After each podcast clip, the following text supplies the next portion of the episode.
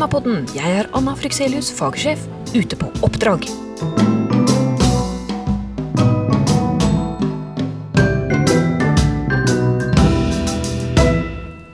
Dette er noe av det rareste jeg noensinne har vært med på. Anna Frykselius, fagsjef i Norsk Revmatikerforbund, sjekker inn live fra American College of Rheumatology Convergence, where rheumatology meets. Altså den store internasjonale forskningskongressen for revmatologi i USA. Og hvorfor i all verden er jeg her? Ja, Det kan du lese mer om på hjemmesiden vår og på Facebook-siden vår. Jeg har vært her og presentert Ingenting om oss uten oss, forskningsprosjektet vårt. Men jeg er her også for å lære mer om hva som skjer innen revmatologien i verden akkurat nå. Altså, dette er jo så stort at jeg blir helt svimmel. Jeg triller rundt her i rullestolen min, og heldigvis, mens jeg triller rundt, så klarte jeg å finne et kjent og vennlig ansikt. Jeg har møtt forsker og overlege i revmatologi, doktor Guro Goll. Og jeg dro henne inn på et lite rom her, så vi kan ha en samtale om hva er ACR? Hvor er vi, Guro? Hva er greia? Og Anna, takk for at du eh, inviterte meg inn til en prat. Altså, R i år er i San Diego, California. Så det er liksom langt av gårde. Og det er det store årlige amerikanske revmatologimøtet. Men de kommer det altså folk fra hele verden. Det er den følelsen jeg får, at det er liksom folk fra hele verden her. Ja, Det er Taiwan, Kina, eh, India, Sør-Amerika og masse europeere. Og selvfølgelig aller, aller flest eh, amerikanere, da. Veldig mange amerikanere, skal det sies. ja. Og det, og det er litt sånn amerikansk glitzy stemning her. At de hadde sånn premieutdeling på nesten en time på åpningsseremonien. Ja, Det er en litt annen kultur enn i Norge. liksom. Det, og det, det er liksom glamour, og er liksom, man, man løfter fram eh, de som man syns har gjort noe spesielt bra. Da, Ikke janteloven. Det er ikke noe jantelov. Tvert imot.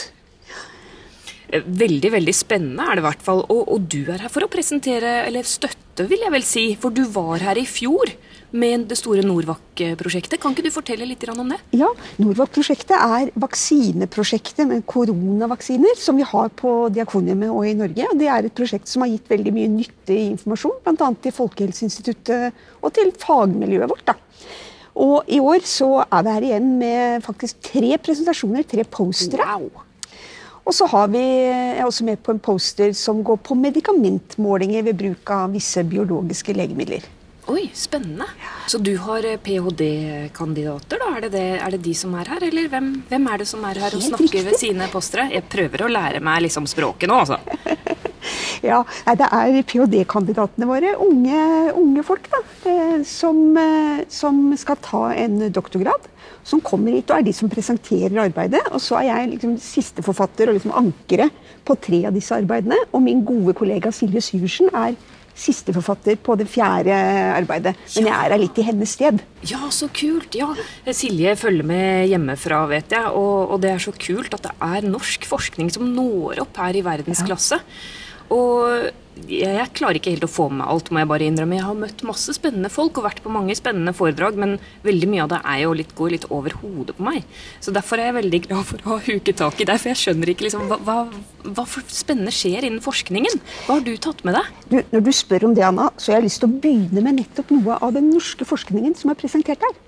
Og det er eh, Siri Lillegraven og, og hennes og Espen Håvardsholm sin gruppe fra Diakoniumet som har hatt flere presentasjoner, veldig sånn profilerte eh, presentasjoner på dette møtet Så kult. om nedtrapping av biologiske legemidler. Oi. Det er kjempespennende. Fordi du vet, når vi fikk biologiske legemidler sånn ca. år 2000, så var vi så begeistra og så glad og så letta over å få også. noe Ja! Endelig noe som funker! Man, man fikk noe som hjalp mange, ikke sant? Ja. Og så går årene. Og så begynner vi å lure på ja, men når kan man slutte? Ja, nemlig. Går det an å redusere dosen? Ja. Er det sånn at man kan slippe litt bivirkninger hvis man går ned i dose? Ja. Og studiene på det, studiene på hvordan går det å trappe ned eller trappe helt ut biologiske legemidler, de begynner å komme nå. De begynner å komme. Og der, kjære Anna, der skjønner du, har norske forskningsmiljøer virkelig bidratt med flotte studier. Og da tenker jeg på det som heter Arctic Rewind-studien. Det er den. Nettopp! Arctic Rewind har jeg hørt masse om. Hva, hva er det egentlig det handler om? Jo, det handler om pasienter med revmatoid artritt. som har vært behandlet godt med metotrexat og med biologiske legemidler, og er kommet til det som vi kaller remisjon. Dvs. Si at sykdommen er der, men den er så fredelig at folk ikke lenger merker at de har sykdommen sin. Og det er liksom drømmescenarioet. Det er det vi virkelig ønsker for folk. Jeg elsker å være i remisjon. Jeg bare Ti tomler opp og fem stjerner på TripAdvisor for eh, opplevelsen av å være i remisjon. Men Anna, når man har vært i remisjon en god stund, altså typ noen år, da er det naturlig å begynne å lure på ok, har sykdommen Trenger jeg ta denne medisinen? Nettopp. Ja. Det er det Arctic Rewind-studien ser på. Så utrolig kult. Og resultatene der var litt sånn Jeg vet ikke om man skal si at glasset er halvfullt eller halvtomt, liksom, men det er en stor andel av de som da trapper ned og trapper vekk det biologiske legemiddelet sitt, som får en flere. Oi, ja. Som får sykdommen sin tilbake. Ja.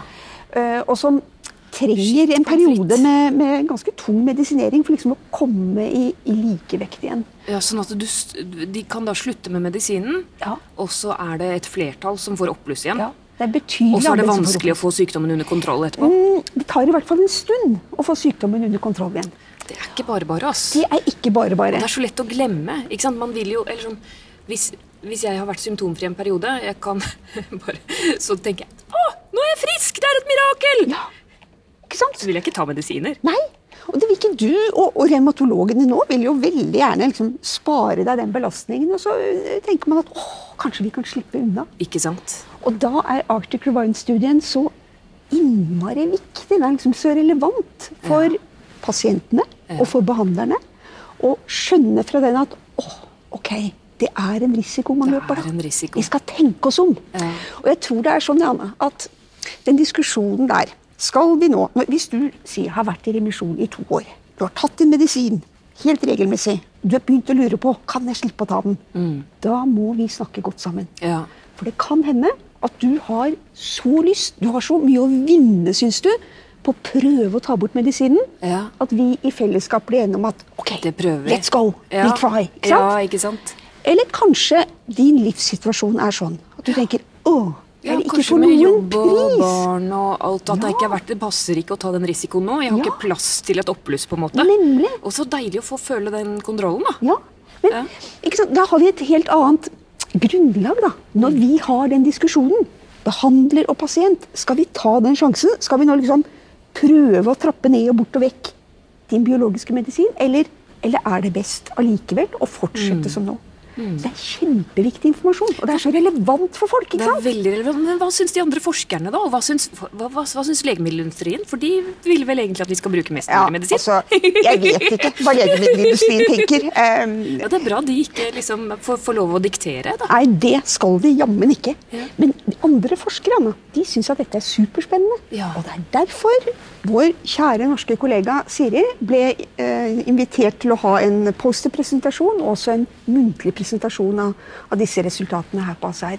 Og det sier litt. Ja. For det er Jeg hørte at det er en 7000-8000 deltakere her.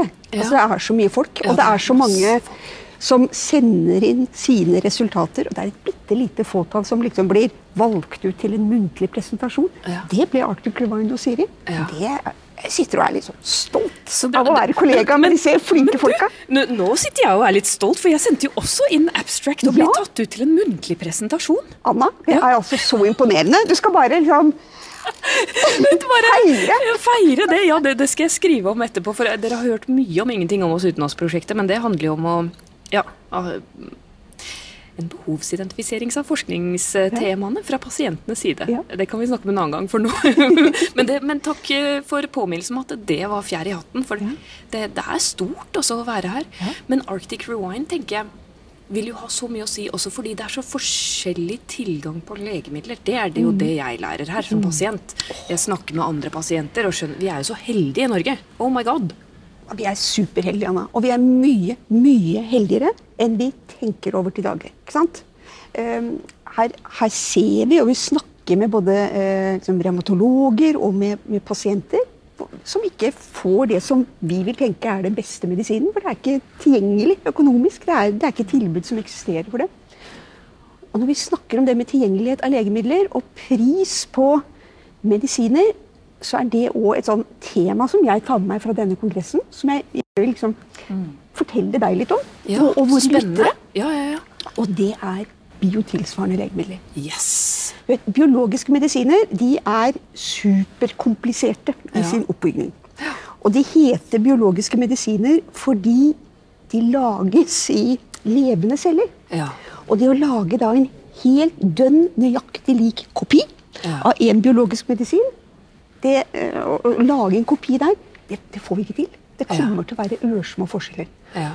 Og Derfor sier vi at med biologiske medisiner så har vi ikke generiske kopimedisiner, men vi har noe som er nesten helt likt. Det vi kaller biotilsvarende. Biotilsvarende. Og er det tabletter i, i, i for, til forskjell fra sprøyter? Nei, det er fortsatt sprøyter. det er fortsatt sprøyter. Ja, ja. Det er fortsatt sprøyter. Og i Norge har vi hatt biotilsvarende legemidler fra 2013. Og det har vært en revolusjon, altså. Sånn En revolusjon. Økonomisk, ja. Fordi norsk helsevesen har spart altså, hundrevis av millioner av kroner i året. Wow. I året. Fordi vi har kunnet ta i bruk mye rimeligere ja, jeg kaller det kopimedisiner. Kopimedisin. Tenk om vi fikk de pengene til rehabilitering av dere! Jeg bare sier. Nei. Ja. Jo, men? Det er jo penger Ja, som da blir tilgjengelig for andre gode Det jo- formål. Ja. Men biotilsvarende legemidler det er liksom akseptert og etablert og brukes over en lav sko i Norge og Skandinavia og i Norden. ja. Sånn er det ikke i verden ellers. Og Er det sant? overraskende nok. Vi tenker på USA som et foregangsland, og de er så moderne og de er så flinke. Nei. ikke på alt. Blant annet ikke på biotilsvarende legemidler. Det er veldig lite bruk av biotilsvarende legemidler i USA. Jeg skjønner ikke helt hvorfor, Anna, men jeg tror det har å gjøre med at det er ikke noe ja, Det er legemiddelindustrien igjen. De har vært veldig flinke til å sikre seg med patenter, slik Mm. at eh, kopimedisiner ikke kommer inn på markedet. Ja. Og så er det ikke de samme insentivene heller til å bruke biotilsvarende legemidler. fordi i Norge så er det innkjøpsordninger hvor staten sier at vi skal ha det billigste, og Ja. industrien må komme med gode tilbud for å bli akseptert. ja.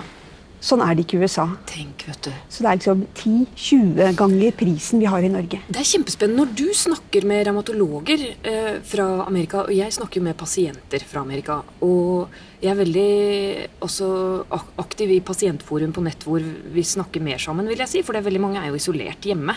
Og da er på en måte Facebook-grupper eh, og revmagrupper er der de snakker. Og det jeg har vært overrasket så langt, er at det er så mange med autoimmun revmatoidartritt som ikke får biologisk, eller noe, som ikke får noe over metotreksat og prednisolon. Det er bare det de får. I USA, altså? Ja. ja. Og, og det handler om helseforsikring og tilgang og alt dette her. Men, er, men også at de, de, de driver ikke med treat to target, og det dere snakker masse om i Norge og på Aular også. Hvor liksom sette inn fort, så fort som mulig og få det i remisjon. Det pasientene forteller fra, fra Amerika, og også til dels fra England, faktisk, det er at um, de, når de endelig får diagnosen etter å ha gått med symptomer i mange år, så sier revmatologen nå prøver vi dette litt prednisolon og litt Enside eller litt sånn, og så, så, så ser vi hva som skjer, sier de. Så. Det er, det er sånn vi ble behandlet på 90-tallet.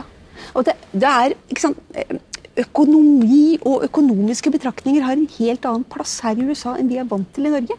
Så jeg bare jeg tenker som så jeg, at jeg skal betale min skatt med glede hjemme. Så mye glede. Og, og bare Takk, være takknemlig for at vi bor i, i Norge og har den ordningen vi har. Ja. Men du skjønner, eh, det vi da lærte nå for to dager siden på denne kongressen, det er at nå er eh, siste patent for adalimumab, eller Humira heter Humira. eh, medisinen der, mest brukte TNF-hemmeren i verden. Det patentet har nå endelig gått ut også her i USA. Nei, eller Jo, man får lov å juble, da. Ja, det får man jammen lov å juble for. Særlig hvis man er amerikansk pres eh, Pasient. pasient, eh, Anna. Ja. fordi det betyr at nå kan de biotilsvarende adalimumab liksom, bli markedsført i USA. Wow. Og du skulle bare vært på den sesjonen. Det var, eh, det var liksom det amerikanske legemiddelverket som eh, hadde en sesjon hvor de legger fram hva er nytt og viktig i Ja. revmatologien sett fra deres eh, ståsted som legemiddelverk. Ja. Og dette var det første de nevnte. At det var bare en sånn skog av hender som gikk opp i salen og tok bilde av den lista. Å, hva får vi nå tilgjengelig?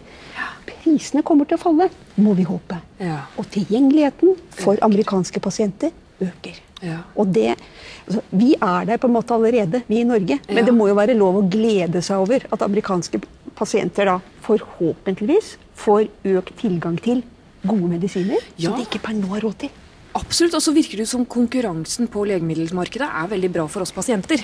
Sånn at det som, det som er med å bidra til, til innovasjon på legemiddelfeltet, det kommer pasientene til gode. Eh, Jeg var jo på et utrolig sterkt foredrag i går med en av forskerne som er med i denne American Rheumatology Professionals, som er det tilsvarende Aular Professionals, Health Professionals. Ja, ja. For det er de, de tverrfaglige, på en måte. Det er de, de, de tverrfaglige teamene. Riktig. Og der var det en forsker som jeg har, hørt før og, og kjent fra forskningen hans, da, som, som skulle holde et sånt uh, keynote-foredrag. Jeg ante ikke at han var pasient. Jeg så kanskje at han gikk litt grann rart. Men han var jo GIA-pasient, altså barneleddighetspasient, i 40-årene. da. Og han, dette foredraget var at han fortalte sin pasientreise fra 70-tallet til nå. Og det var så sterkt, for, for liksom å få se hvor alvorlig den sykdommen kan være. Ja. Og han som fikk da gullsprøyter og, og, det, det man, og aspirin, var det seks gram aspirin om dagen i årevis til liksom magen og alt var bare helt ødelagt. Og legene sa vi håper du overlever til du er 26. Ikke sant? Også, det skal jo ikke være en dødelig sykdom, men han hadde så alvorlig, og de, de opererte liksom stivopererte alle leddene. Eh, og han viste liksom røntgenbilder og fortalte da eh, sin reise med juvenil idiopatisk artritt før biologiske legemidler kom. Og i- altså, hele salen satt og gråt. Fordi man glemmer hvor alvorlige disse sykdommene er Ja. når vi ikke har legemidler som virker. Og jeg bare, det var så sterkt. Ja. Og nå er han forsker, og nå er han jobb og barn og familie, og er i 40 og så har overlevd den eh, estimerte levetiden med 20 år. da. Og han er brettspillsentusiast, så han er en venn av meg. ja. Og han liker Lilla! Men så bra, Anna. Nei, men, men det er akkurat dette her. Altså, eh, det er liksom fælt å tenke på eh, at et moderne, industrielt land som USA har store pasientgrupper som ikke får optimal behandling, som finnes. Ja, Og han fikk jo til og med dette fordi han hadde helseforsikring, da. Men ja. tenk da de som ikke har det! Ja. Ja, Det er jo helt for ja, Men der er det de Jeg prøver å ikke banne. Ja, ja, ja. Men, men der kommer de biotilsvarende legemidlene inn som en veldig god hjelp. Håper og tror jeg. Fordi da blir det konkurranse. Det blir mange liksom, tilsvarende utgaver av denne medisinen å velge mellom. Og da må vi tro at det blir mer tilgjengelig for flere. Og det kommer folk virkelig til å ha glede av. Det var litt sånn Å, så bra! Wow, så kult! Det er jo kjempeviktig for mange pasienter. Hva, hva annet er det du har uh, hørt om og sett og lært? Og det er sikkert mye. Ja, det er masse. Um, Det har vært flere sesjoner hvor man har diskutert kortisonpreparater, altså prednisolon og tilsvarende. Det er noe mange går på. Det er noe mange går på og har et forhold til. ikke sant? Og Prednisolon og kortison er det beste og det verste vi har å by på i Elsket og hatet, ja. Elsket og hatet, nemlig. Det er jo helt suveren brannslukking. Men så er det det at står du, står du lenge på det, så kommer bivirkningene. Og de kommer hos alle, og de er til dels alvorlige med osteoporose og tynnere hud og diabetesutvikling og elendighet. Ja.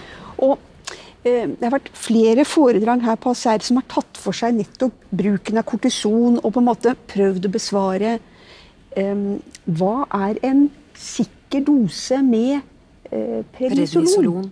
Hva, hva kan du ta med god samvittighet uten å være redd for bivirkninger? Ja, går det an å måle det? Nei, det var, da, da har man liksom store pasientgrupper, og så har man sett på de som bruker eh, 5, eh, 2,5, 10, eh, 20 milligram, og sett hvordan går det med de forskjellige i forhold til infeksjoner, i forhold til det å utvikle diabetes, i forhold til det å utvikle beinskjørhet. Ja. Og dette er jo bivirkninger som vi vet om alle sammen, men det som liksom var en reminder og, og, og så sank litt inn hos meg, da, er at selv ganske lave doser brukt over tid, det har bivirkninger. altså. Det har bivirkninger. Som man virkelig skal være oppmerksom på og, og eh, liksom, ta hensyn til. Og så er vi igjen der ved å ha en god samtale Med legen. Ja. behandler og pasient sammen. ikke sant? At kan man greie å komme ned i prednisolon? Du skal liksom vekte det å ha det rimelig bra nå, da. Og Ja. fungere i hverdagen din. ikke sant? For et regnestykke, ikke sant? Og så er det de der fæle langtidsbivirkningene. Og kanskje Det var mye diskutert her i USA, apropos det med tilgang ikke sant, til Ja. dyre medisiner. Ja. Det var mye diskutert da eh, i spørsmålssesjonen etterpå. Sånn, bør, vi, bør vi prøve å gi folk mer biologiske legemidler som langtidsbehandling? Og ikke være så avhengig av å behandle med prednisolon? Og det der er et vanskelig regnestykke. Fordi du vil ha noe som virker, og du vil ha noe som virker kjapt. Og det er jo så en magisk følelse når du får prednisolonen, og det bare smerte og hevelse og alt bare forsvinner over natta, liksom. Når du først begynner på det. Ja, Ja. altså jeg, ja. Det, det, det har gitt meg håpet på livet tilbake i, i dårlige perioder. Det å få prednisolon. Bare å, jeg, nå kan jeg overleve med denne sykdommen. Det er helt fantastisk. Ja. Men så må vi ha i bakhodet da, disse langtidsbivirkningene som kommer. Og kanskje også vi som behandlere være flinkere til å tenke at selv lave doser som 5 mg, 7,5 mg skal prøve å trappe det ned, og helst vekk også. altså. Og ikke la folk stå på det over år. Av og til har vi ikke noe valg. Men der hvor vi har et valg, prøve å se enda mer aktivt etter hva er alternativene. Kan vi Fins det noe annet vi kan gi folk? Heller enn den der prednisolondosa som de blir stående på. Ja. Så kult at, ja, at man tenker Dette er jo pasientene veldig opptatt av. Liksom, tenk på bivirkningene også. Eh, Men nå, jeg, jeg må jo si at jeg forstår bedre hvordan det ser ut fra legens side også.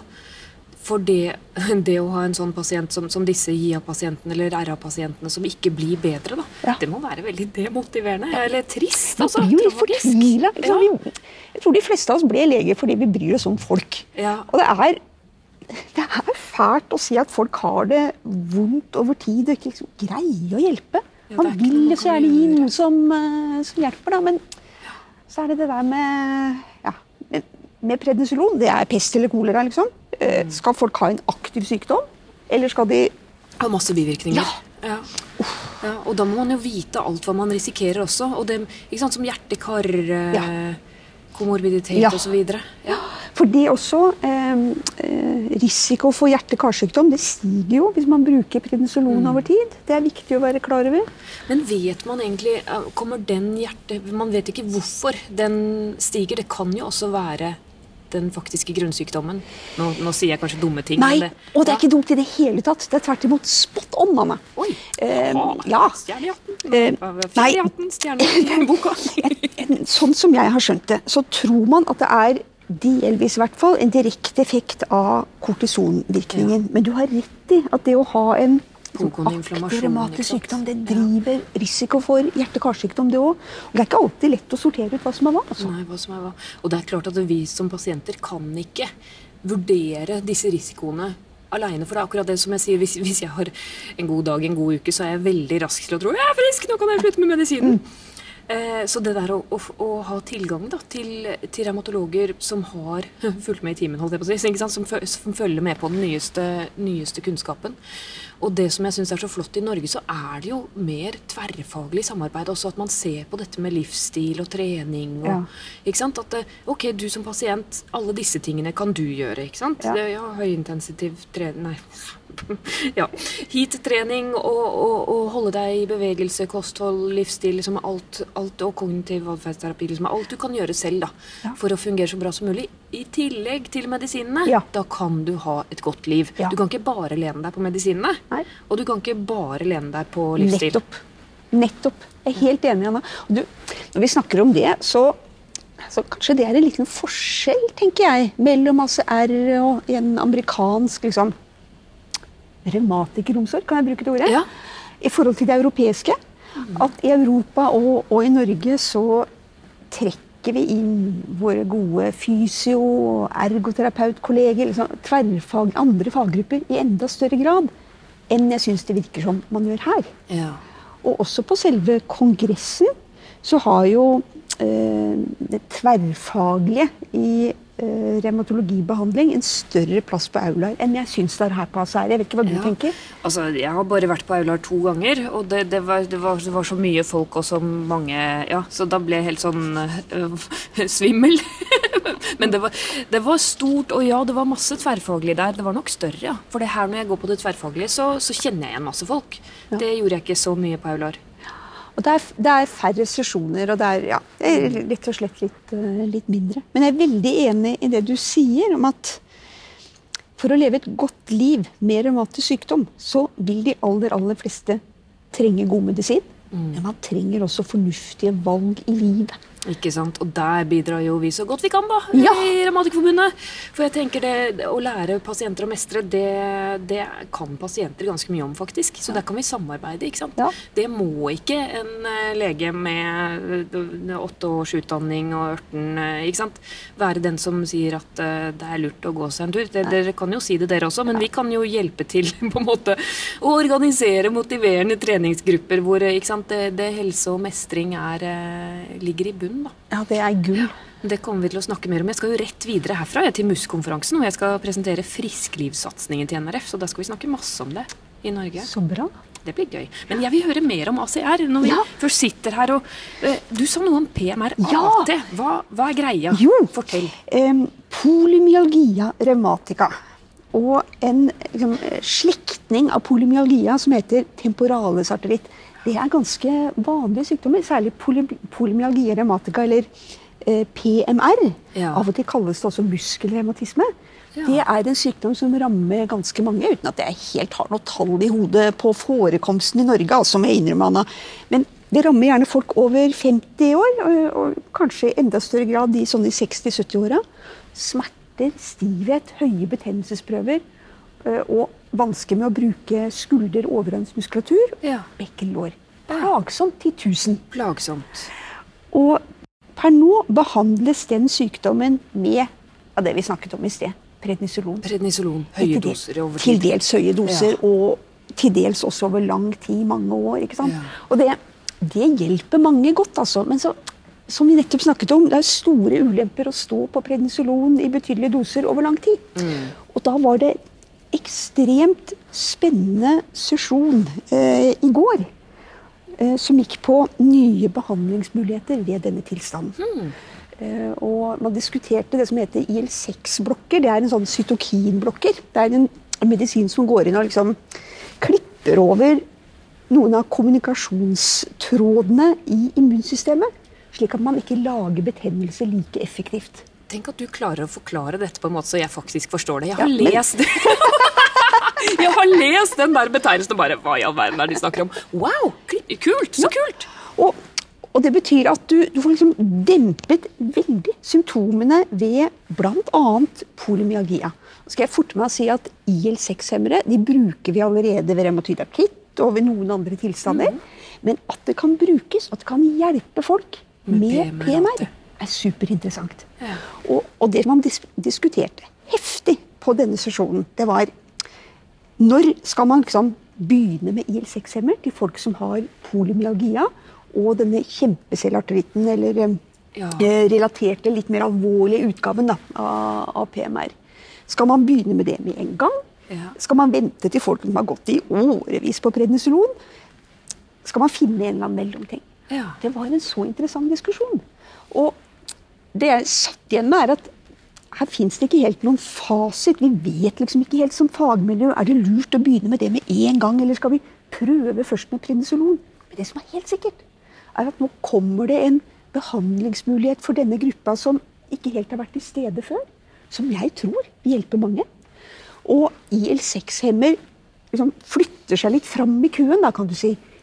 Behandlingsmuligheter. Så rett og slett Tror du det folk vet om det hjemme i Norge ennå, eller er dette noe som liksom, Hvordan skal Jeg tror mange revmatologer vet om at IL6-hemmer kan brukes særlig ved temporales arteritt, som altså er en mer sånn komplisert eh, Ja, den som går på hodet og og sånn? Ja. Jeg tror ikke det er så kjent at det har effekt ved polymyalgia. Eh, og jeg tror eh, det er noe som mange vil dra av oss norske som er her. Ja. Så er det en ting vi liksom tar med bagasjen hjem da, Ja. til vårt fagmiljø. At oi, dere, Dette nå må vi funker. være litt mer oppmerksom på at dette er noe vi kan bruke i større grad enn før. Ja. Og det er en stor pasientgruppe, Anna. Og det er en pasientgruppe som øh, av og til har strevd litt med å hjelpe. Så, så det er litt sånn morsomt da, og litt sånn inspirerende og rett og slett litt stas. at- Så kult! For, for et gjennombrudd. Det er jo det det er. Det er et gjennombrudd. En, en pasientgruppe hvor man ikke har hatt så mye. Kjempespennende. Så det er, det, er- det er eh, som sagt noe jeg virkelig tar med hjem i, i, i kofferten. Um, siden vi snakker om si, gamle legemidler med ny bruk Ja. Kan jeg si noe mer om det? Ja, ja, ja. ja. Vi har jo syns alt er spennende. for de som har, de som har urinsyregikt, nemlig. Ja, Podagra. Podagra. Eh, mange der kjenner til et legemiddel, legemiddel som heter kolchisin. Og det er godt og gammelt. Ja, det Altså, det har vi hatt fra altså, tidenes morgen. Ja. Eh, og det er eh, billig og det er enkelt, og noe bivirkninger er det, men det er liksom god, gammeldags medisin. Ikke noe biologisk eller fancy i det hele tatt. Og i Norge i dag så bruker man det hovedsakelig ved urinsyregikt. Så sa jeg i sted at jeg var på denne spennende sesjonen med det amerikanske legemiddelverket. Og en av, en av de tingene de fortalte på den sesjonen, var at kolkisil, som vi altså kjenner som urinsyregiktbehandling, det får nå indikasjon, som det heter. Altså Legemiddelverket her i USA sier at nå kan man begynne å bruke det legemiddelet hos pasienter som ikke har noen revmatisk sykdom, ikke har urinsyregikt, ikke har noen revmatisk sykdom, men som har en betydelig forhøyet risiko for hjerte-karsykdom. Yes. Fordi kolchisin i studier er vist å dempe risikoen for atrosklerotisk eh, sykdom. Og, og det er noe som altså, Det gjelder mange flere pasientgrupper enn de med revmatisk sykdom. Da. Det Ja. er så spennende likevel. Ja, og hva med komorbiditet og sånn? Så, så Nettopp, det vil jo si nettopp. at ja.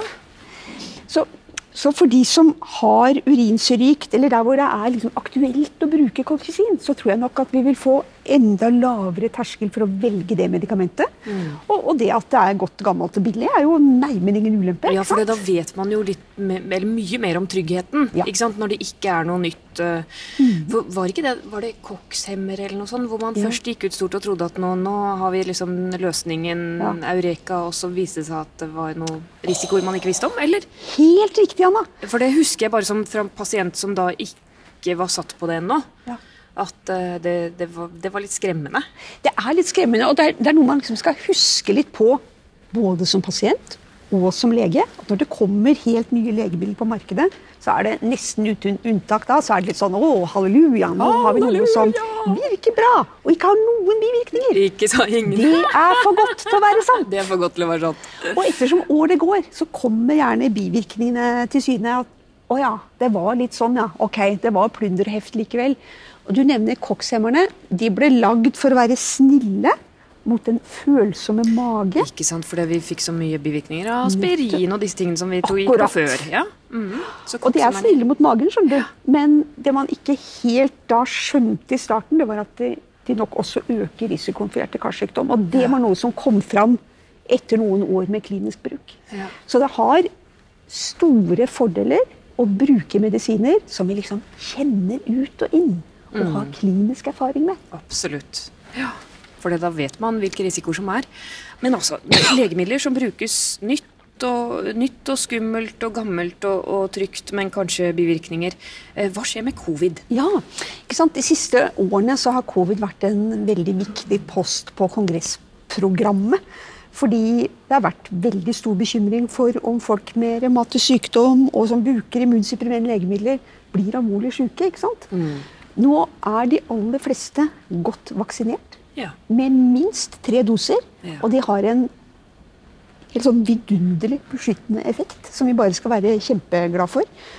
Og veldig mange har også hatt minst én runde, og kanskje flere, med covid-19. Ja. Og har tålt det bra fordi de er vaksinert i tillegg. Ja.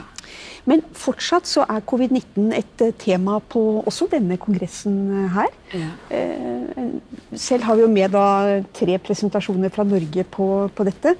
Og vi lurer litt på flere ting. Vi lurer f.eks. på er det, er det noe sånn at alle skal ha en oppfriskningsdose hvert år. Er det nødvendig? Er det trygt? Og, ehm, og hva er nytten av å stadig ha oppdaterte vaksiner som liksom prøver å rette seg mer mot de aktuelle virusvariantene som sirkulerer eh, nå? Og eh, våre egne resultater viser at eh, heldigvis eh, også de som står på den aller tyngste immundempende eh, behandlingen med rituximab eh, hos oss, der evner immunsystemet liksom å, å, å lære og huske av vaksiner og gjennomgått eh, infeksjon. Eh, vi ser òg at det blir en altså, Når det går et år, så Så faller de beskyttende ja. antistoffene litt. Ja. Den andre halvdelen av immunsystemet, det vi kaller T-celler, den beskyttelsen den holder seg mye bedre. Ja. Og er nok en sånn grunnbemanning i forsvaret vårt. da. Ja. Ehm, Så vi, vi lærer fortsatt om hvor lang tid kan det gå uten at vi mister det immunologiske forsvaret vårt mot ny infeksjon. Det forsker vi fortsatt på. Og så er det annet, et annet stort tema på det med covid-19, og det er long covid. Anna. Ikke sant? Det, Ja. ja, det er så skummelt. Det er jo Vi som har kronisk sykdom, vi vet jo hvor jævlig det er Å, nå bannet jeg allikevel. Vi vet jo hvor forferdelig det er. sånn at det å, å se at det kommer nye Ikke sant, en, en ny pasientgruppe, da, egentlig. Ja. Ja. Og, og der var jeg på en sesjon eh, i, i forgårs som handlet mye om long covid. Og det som gjør forskningen på long covid så utrolig vanskelig, Mm. det er at ingen greier å bli enige om hvordan man skal definere long covid. ja, hva er det? Hva er det? Hva er det? Ikke sant? Ja. Og det blir liksom litt håpløst å forske på noe når alle forsker på litt ulike ting. om du skjønner Ja, mener. ja, nemlig. Så mye av diskusjonen på den sesjonen var ja, hva er en fornuftig definisjon av long covid. Og eh, så lærte vi også der at Verdens helseorganisasjon sammen med andre aktører jobber nå med å lage liksom, nye kriterier da, for hva Ja. long covid er. Og det tror jeg vil hjelpe på forskningen. Og det tror jeg også vil hjelpe de pasientene som er rammet av long covid. Absolutt, ja. Ja, for det, det, er vanskelig å forske på noe som ikke er definert. Og for, for pasientene så kommer det jo ikke noe behandling hvis det ikke blir forsket på. så det, Nei, ikke sant? Og det, det jeg ser i pasientkretser, da, for jeg har fulgt veldig mye med på long covid, også fordi det ligner på fibromyalgi Ja. og ME, som er sykdomsgrupper hvor det er liksom mye lidelse og lite løsning. Mm.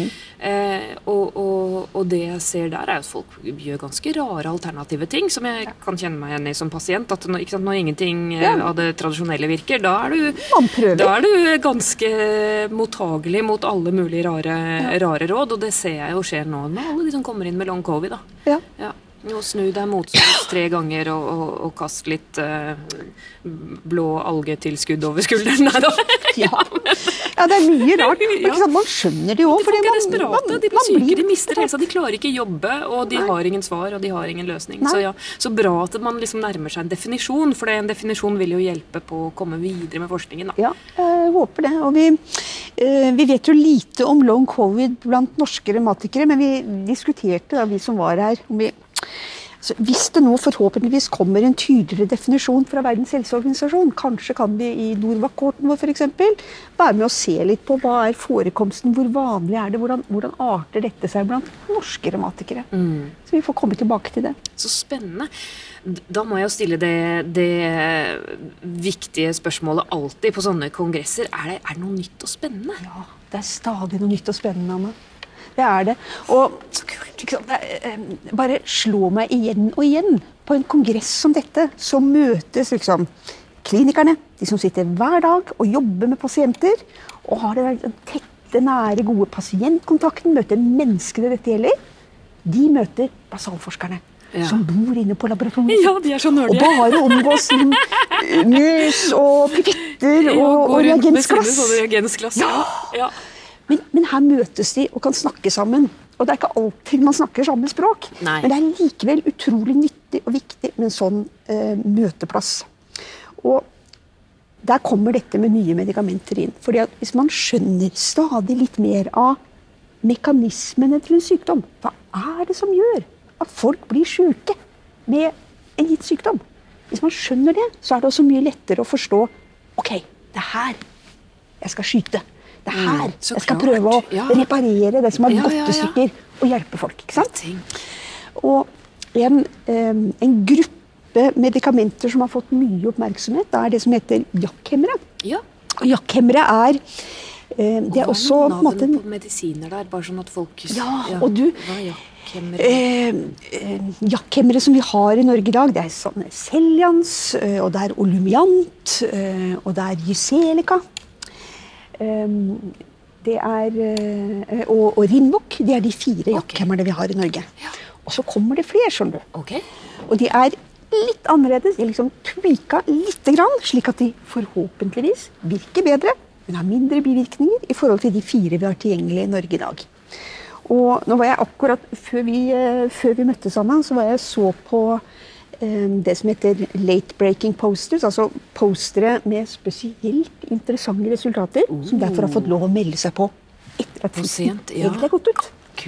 Og der var det eh, en fire-fem slike arbeider som beskriver nye jakkhemmere. Som er i tidlig utprøving, altså. Ja. NB, NB. Det kan fortsatt Ja, være at de ikke kommer utprøving. på markedet. Men det er liksom litt godt å se da, vet du, at å, det pågår masse forskning på å finne enda bedre legemidler. Og de er på vei inn til pasientene våre og inn til oss som jobber på poliklinikken. Ja. Eh, og eh, jakkhemmere er tabletter. Er det biologiske legemidler? Nei, det er ikke Det er biologiske noe imellom, for jeg vet ikke engang hva det er. Nei, det, det, det skjønner jeg så godt. Men hvis, vi- RA Eller hva bruker man? Ja. Ja, man, man bruker det per nå på RA, og, og man har også akkurat begynt å bruke det på spondylartritt og Ja. psoriasisartritt. Man bruker det også faktisk ved inflammatoriske tarmsykdommer som Crohn og ulcerøs kolitt. ja. Og det får liksom stadig flere sånne immunologiske sykdommer hvor jakkhemmerne blir brukt. Ja. Nettopp autoimmune. Og jakkhemmere de er på en måte De også handler om signalering og det å sende et budskap til immunsystemets celler. Men jakkhemmerne de virker inne i den enkelte cellen. Oi. De biologiske som vi snakket om i sted, der går liksom meldingene, budskapet, går fra én celle til en annen. Kanskje langt av gårde. Men jakkhemmerne de hemmer signaleringen, de hemmer aktiveringen inne i den enkelte celle. Ah, Hemmer liksom aktiveringen av immunforsvaret, da? eller? Ja, av immunsystemets celler. Ja. Sånn at den her overaktive immunresponsen Den dempes. Den dempes, ja, nemlig. Akkurat. Ja. Akkurat. Nå klarte jeg å snakke ja, ja. nesten Ja, forskerspråk. men det jeg har vært her så mye. er, Ja. det er glimrende. Så spennende. Ja. eh, og eh, så er det masse man kan si om jakkhemmere. De er nemlig ikke fri for plunder, heft og bivirkninger, de heller. Det er jo Og ingen av de som eh, er det, ja. Nei, og det er, det er bekymringer med dem òg. Men da kommer vi òg tilbake til det at, å se at å, vi får mer å velge mellom. Mm. Det er utrolig fint. Altså. Og også spesielt, for det er vel ganske ofte at en pasient har virkning av en medisin en periode, og så slutter det å virke, og da Ja. må man finne noe nytt. Så det at det utvikles nye Ja, som man kan prøve, kan være redningen, da. det er veldig bra. Du, når du sier det der med av og til mister man effekt, Mm. Ja. da får jeg veldig lyst å nevne posteren til Marte Brun. Ja. Vår, eh, vår stipendiat, okay. som også er her. da. Ja. Um, og hun har nemlig sett på Kan man og bør man måle blodnivået av um, en biologisk medisin som heter infliximab? Og liksom følge med på den for å passe på at folk har, at pasientene våre har tilstrekkelig høyt nivå, og ikke begynner å falle i, i medisinnivå. Og tanken er at når du ikke har medisin i blod, da har du ikke medisin som virker. Da er du i praksis uten medisinen din. Da må du øke dosen eller kanskje gjøre andre justeringer. Og så vet du kanskje Anna, at biologiske medisiner de er jo sant, de er spesielle. De, er, de lages i biologiske systemer. Så av og til lager kroppen motstoffer. Antisofia, det har jeg hørt om, det har jeg lest om. Ja. Og, og Marte sin poster handlet litt om dette. Da. Det er en betydelig andel skjønner du, som lager slike motstoffer mot Og da slutter medisinen å virke? Da slutter den å virke. Ja, da forsvinner den fra sirkulasjonen. Den får liksom ikke sjansen til å virke. Nei, Så da tar du medisinen og får ikke effekten, rett og Nettopp. slett? Det er en skikkelig dårlig deal. Altså. Ja, det er en dårlig deal. Du får bivirkningene. Du må ta medisinen. Nei, det er, eh, det er ikke, ikke bra. Ok, Så hva, hva kan man gjøre da? Jo, man kan, man kan gjøre to ting. Man kan, eller man kan gjøre flere ting. Men man kan måle pasientens blodnivå og se at dette ser betryggende ut. Man kan måle og se har hun begynt å lage antistoffer, mon tro. Altså, da kan man være obs på det. Man kan gjøre noen grep for å motvirke den antistoffdannelsen. Eh, og så vet vi da at det å bruke metotrexat sammen med biologisk legemiddel, det motvirker den tendensen til å lage antistoffer mot det biologiske legemiddelet. Og så vet vi, takket være Martes arbeid bl.a., at det å ta pause fra biologiske medisiner, det er antakelig ikke så gunstig. altså. Nemlig. For da er det lettere for at immunsystemet liksom blir litt i stuss og begynner å gjenkjenne den biologiske som noe fremmed og farlig som man skal reagere mot. Så det, vet du hva? Der må jeg nesten stoppe opp. Altså, for dette hører jeg så ofte fra pasientkretser. Den Ja. bare, ja, men nå har jeg det så bra. Da tar jeg en pause. Ja. Da tar jeg en pause. Det gjør ikke noe å slutte litt med den medisinen noen måneder. Eller nå skal jeg ut og reise, eller nå skal ditt og datt. Så, så har man grunner til at man ønsker å ta en pause for medisin. Man tror at det kommer til å fungere like bra hvis man begynner på igjen. Og nå har jo jeg vært med såpass mye i sånn revmatologikretser at jeg har hørt dette før. Ja. At eh, ops, ops, hvis du Ja. tar en pause, så er det risiko for at det ikke funker når du begynner igjen. Det er litt forskjell på medisiner, altså. Ja. Eh, sånn som eh, tablettmedisiner og sånn, der, der er det mye greiere. Men disse biologiske som man tar som sprøyte eller intravenøst, skal man tenke seg skikkelig godt om Ja. før man tar en pause. Ja. Av og til er man nødt til å ta en pause, men, Ja. men man skal virkelig ha en god grunn.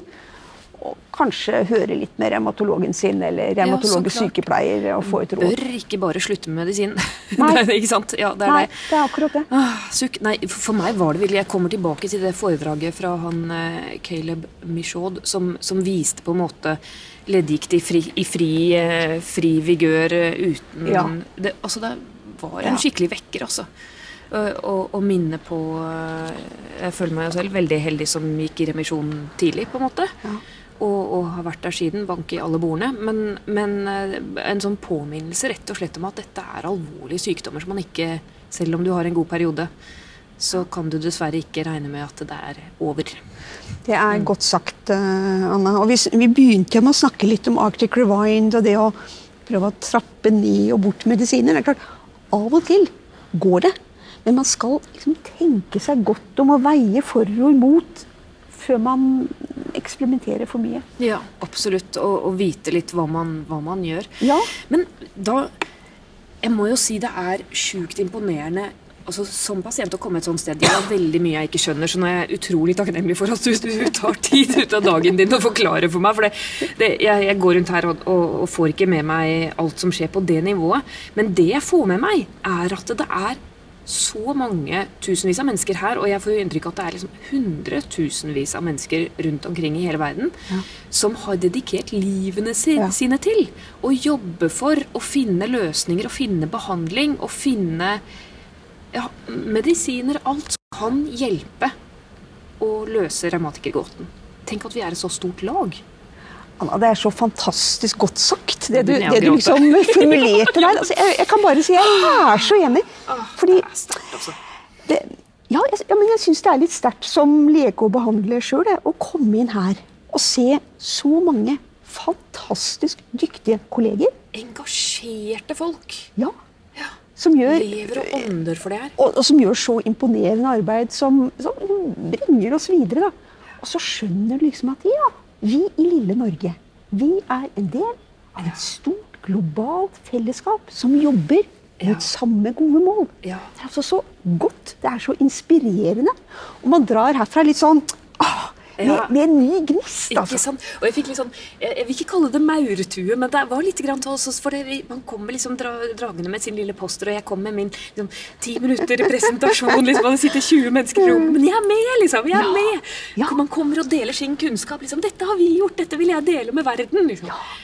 Men det er akkurat sånn, ja, det, den følelsen du beskriver der, den syns jeg jeg kjenner så godt igjen. Anna. Jobbet Og så mange år med noen ting. Ja, men men det er så Så egen verdifullt. Det er så verdifullt å merke den fellesskapsfølelsen og det at man lærer av hverandre. Mm. Og Av og til så kan man jo lure på hvorfor skal man reise kloden rundt til San Diego, California og gå på kongress. Jo, ikke sant. og man skal jo tenke seg om, særlig i disse klimatider, du, Ja. hvor mye man reiser. Ja. Men det å komme hit og fornye nettverk Ja. eh, den der sosiale kontakten, å håndhilse på dine kolleger. og se de utenfor e-postboksen. Ja, Det har jeg klart å få gjøre selv også. det er eh, veldig verdifullt. Og det å stå ved sin poster og diskutere med de som kommer for å se på den, det blir en helt annen kontakt. Ja. Og det er så utrolig mye lettere etterpå da å sende en mail eller ta en telefon. eh, og initiere samarbeid. Initiere rett og slett et, et nettverk. Da. Og man hadde ikke klart å gjøre det her digitalt også. Det Aldri. er noe helt annet. Når det, det blir jo 2D på en måte, men det er bare noe helt annet. Det er noe helt Så annet. jeg, jeg mener virkelig at fysiske kongresser har, uh, har sin plass, på en måte. At vi, vi trenger dem, da. Ja. Og kanskje også for å motivere denne her eh, maurtuen av et verdensomspennende miljø med, med forskere og klinikere og pasienter som alle sammen jobber mot samme mål. Ja. For det der å holde på i sin lille Ja, for pasienten, da. Å holde på i hverdagen og gjøre så godt man kan liksom, å mestre sin sykdom og gå til legen og prøve å gjøre det legen sier og stole på at det er riktig å ta den medisinen osv. Det, det gir et boost, da. Det gir et boost. Det gir et, ja, det gir et veldig, veldig boost. Og det, diskusjonene og de tilfeldige møtene i korridoren over kaffekoppen Ja. er så betydningsfullt. Det, er, det er litt sånn at der skjer det veldig mye, altså. Ja, det gjør det. Men, men du, jeg har aldri vært på dette her før.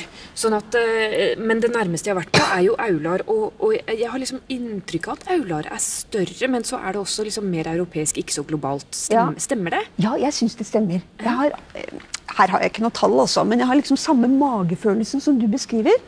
Aular er større, eh, men dit kommer det nok enda flere fra eh, Øst-Europa, eh, eh, Midtøsten. Ja. Eh, her på Aser er det nok mer amerikanere, mer søramerikanere også. Og asiater. Og asiater, og- ja. Nei, jeg, jeg, jeg fikk mer den der Ja, det er hel, her hele verden er, på en Ja. måte. Ja. Og at Aular er eh, Europa, også noen fra resten av verden. Ja. Men det, det er veldig generelt, da. Jeg har ikke noe statistikk eller sånn. Det er nok, ja. Nei, det, du er finner jo folk fra Kina og Taiwan og øh, Sør-Afrika på Aular òg, men det er kanskje et tydeligere innslag øh, her på, på ACR. Men det er jo mange andre forskjeller også. Det virker bedre organisert, vil jeg si, Aular. Ja. Og, og de er mye mer interessert i å høre pasientenes stemme. For å, ja. Det er en kjempeforskjell. Det tror jeg du er helt rett i. Vi har en annen rolle i Aular enn de har her. Her har de ikke pasientorganisasjoner Guro, på samme måte som vi har hjemme. Vet du hva? Det, liksom det tilsvarende her er Arthritis Foundation, og det er en stiftelse som ble startet av leger. Det er ikke en demokratisk pasientorganisasjon. De har ikke demokratiske pasientorganisasjoner. De, nei, de har noen sånne stiftelser og noen sånne grupper. Eh, Og så har de liksom influensere og blogger som har sine små foundations med sin innsats. ikke sant? Hvor, hvor de informerer og lærer opp og alt sånt. Men det er veldig veldig personavhengig. da. De har ikke disse demokratiske, sterke pasientorganisasjonene med grupper som er hvor pasienterfaringen og likepersonsmetodikk og liksom selvhjelp og mestring står i sentrum. Og det er litt interessant for våre lyttere å høre, tenker jeg. For igjen så, så tror jeg at vi i Norge lett tenker at å, i Amerika er alt så stort og flott, og det kommer så mye Ikke lenger her, enn oss på alt. Men Ikke på dette. ikke på alt. Og i hvert fall ikke på dette. Nei, de har bra hamburgere, men Eller, eh, ja. Nei, det er, eh, det er nok helt riktig, det du sier der. Interessant. Og jeg tror vi tar veldig mye for gitt. ikke sant? Jeg, som pasient eh, jeg tar for gitt, eh, eller jeg har i hvert fall tidligere tatt for gitt at jeg kan dra på sykehus og få kjempebra behandling. Eh, til jeg klaget på behandling ikke sant? for det, og jeg får for mye medisiner og sånn. Og så kommer jeg hit og ser shit pommes frites. Ja. Så, eh, så heldig jeg er som, som får behandling og får for mye behandling og får det liksom betalt gjennom skatten. ikke sant?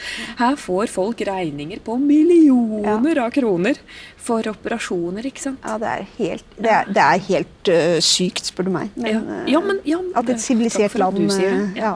Det er jo helt crazy. Men altså, forskjeller er det virkelig. Nå, nå skal vi videre, for nå har jeg dratt deg ut av din spennende kongresshverdag her i, i, i nesten en time. Men tusen, tusen takk for at du tok deg tiden, Guro, til å dele all denne kunnskapen og oversette det til eh, et språk som jeg forstår også. Anna, takk for at jeg ble invitert. Dette har vært så morsomt og så spennende. Jeg kommer gjerne en annen gang. Var Neste episode Aular. 2024. Det må vi Gjerne. få til. Tusen, tusen takk, Guro. Da løper vi videre. Det vil si, jeg triller, og du løper videre og lærer så mye vi kan for å ta med hjem til Norge. Takk for nå, Anne. I dag har vi hatt en annerledes episode hvor dr. Guro Gold og jeg, Anna Frikselius, har gjemt oss i et hjørne på den fantastisk spennende kongressen ACR og snakket om hva som skjer innen revmatologien. Og lyden er fikset av Podmaster.